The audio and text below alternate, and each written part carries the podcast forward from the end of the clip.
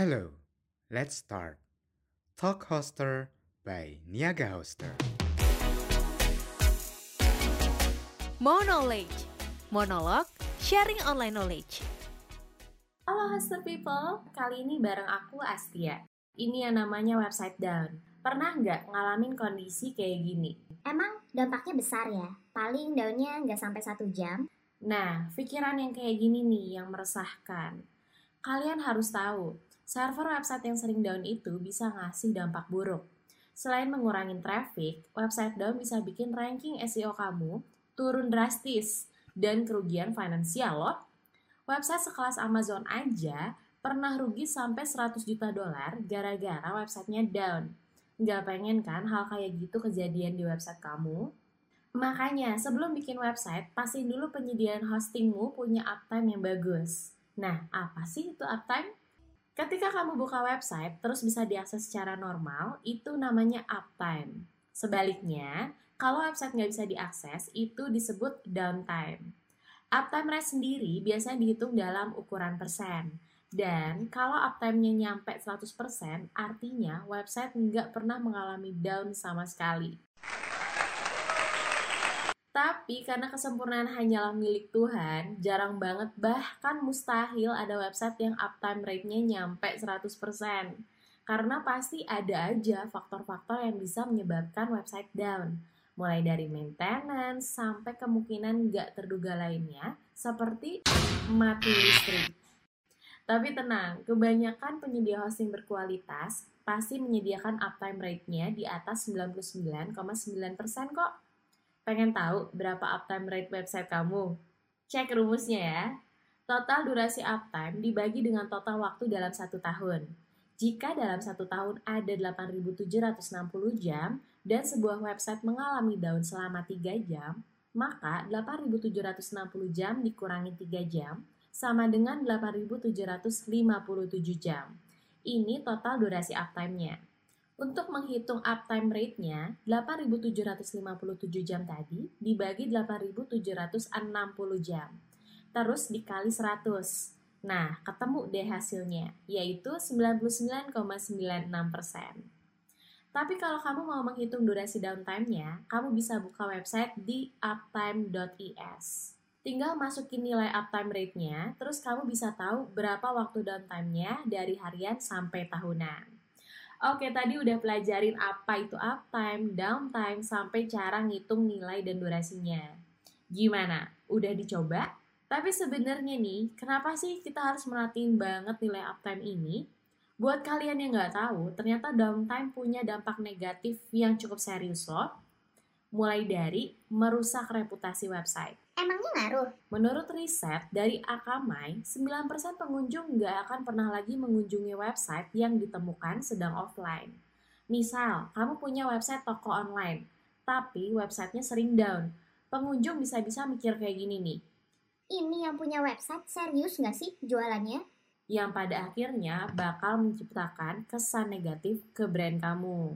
Kondisi barusan pernah dialami Bukalapak di tahun 2018.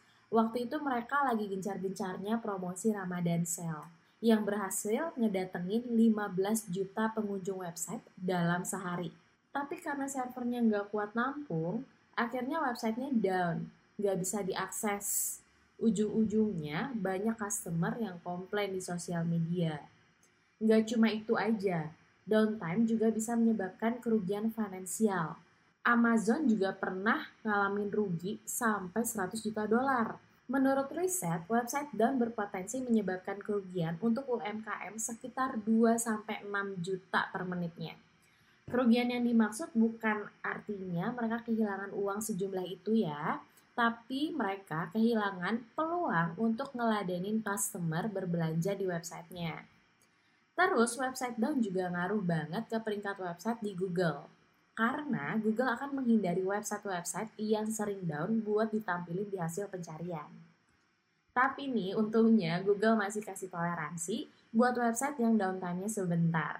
Tapi kalau downtime-nya berminggu-minggu, ya wassalam, pasti peringkatnya bakal turun. Turunnya ranking website ini tentunya bakal ngaruh ke jumlah traffic website kamu. otomatis semakin kecil juga peluang penjualan bisnis kamu. Buat menghindari malapetaka kayak tadi, kamu harus pikirin matang-matang sebelum milih hosting untuk websitemu. Nah, biar nggak bingung, sini aku bantuin mikir. Sebelum pilih hosting, jangan lupa cek tiga faktor ini di tiap hosting. Infrastruktur server yang canggih, fitur pendukung kestabilan server, dan garansi. Nggak usah jauh-jauh, kamu bisa dapetin hosting yang memenuhi tiga faktor tadi di Niaga Hoster. Kamu harus tahu, infrastruktur server Niaga Hoster udah pakai Green Data Server Tier 4 milik DCI Indonesia. Belum tahu apa itu DCI? Mereka adalah bagian dari Equinix, yaitu penyedia data center terbaik di dunia. Mereka juga punya fitur-fitur canggih untuk memastikan kestabilan server, seperti multiple upstream, yang bikin website tetap terkoneksi dengan server karena jaringan yang selalu online. Terus ada juga fitur dedicated line, yang nyediain saluran koneksi khusus buat menghindari gangguan jaringan. Terakhir, mereka punya power outage yang ngejamin data center terus nyala walaupun lagi mati listrik. Nah, DCI Indonesia sendiri udah didukung sama dua pembangkit listrik buat memperkecil kemungkinan downtime. Selain itu, ada juga fitur-fitur canggih buat ningkatin performa website. Ada Lightspeed Web Server, server tercepat di dunia yang bikin website tetap stabil walaupun traffic lagi rame. Terus ada juga Cloudflare CDN yang bisa bikin website gampang diakses dari mana aja. Kalau untuk mendeteksi segala jenis serangan dan mengatasinya secara otomatis, Niaga Hoster punya self-healing network. Buat melengkapi fitur-fitur tadi, hosting dari Niaga Hoster juga dilengkapi dengan sistem operasi cloud Linux yang bisa bikin server lebih stabil, aman, dan cepat karena dibuat khusus untuk kebutuhan server. Yang terakhir, Niaga Hoster punya garansi performa server. Kalau performa server Niaga Hoster nggak sesuai ekspektasi nih, nggak usah sedih, nggak usah panik. Niaga Hoster nyediain garansi 30 hari uang balik. Jadi kalau kamu ngerasa kurang puas pakai hosting Niaga Hoster selama 30 hari, kamu bisa ngajuin refund. Mantep kan? Nggak pakai lama, uangnya juga bakal langsung dikirim ke rekening kamu dalam waktu 10 hari. Balik lagi ya ke per uptime tadi. Kalian harus tahu, berdasarkan data dari penasihat hosting, Niaga Hoster punya rata-rata uptime sekitar 99,91%. Kalau data uptime di tahun 2020, nilai uptime-nya berkisar antara 99,96 sampai 100%. Usut punya usut, itu semua karena Lightspeed Cage yang bisa bikin performa server 40 kali lebih cepat.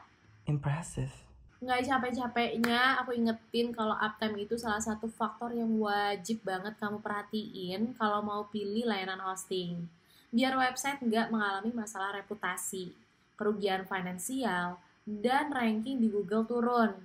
Perlu nggak aku ingetin lagi tentang fitur-fitur canggih Niaga Hoster yang bisa bikin website jadi lebih stabil, kencang, dan uptime-nya tinggi? Nggak usah lah ya, nanti nggak kelar-kelar nih ngomongnya. Langsung aja pilih paket hosting Niaga Hoster, nggak perlu pusing mikirin harga, cukup keluarin Rp50.000 per bulan, kamu udah bisa dapetin hosting uptime tinggi plus domain gratis. Nah, segitu dulu ya pembahasannya. Bye-bye.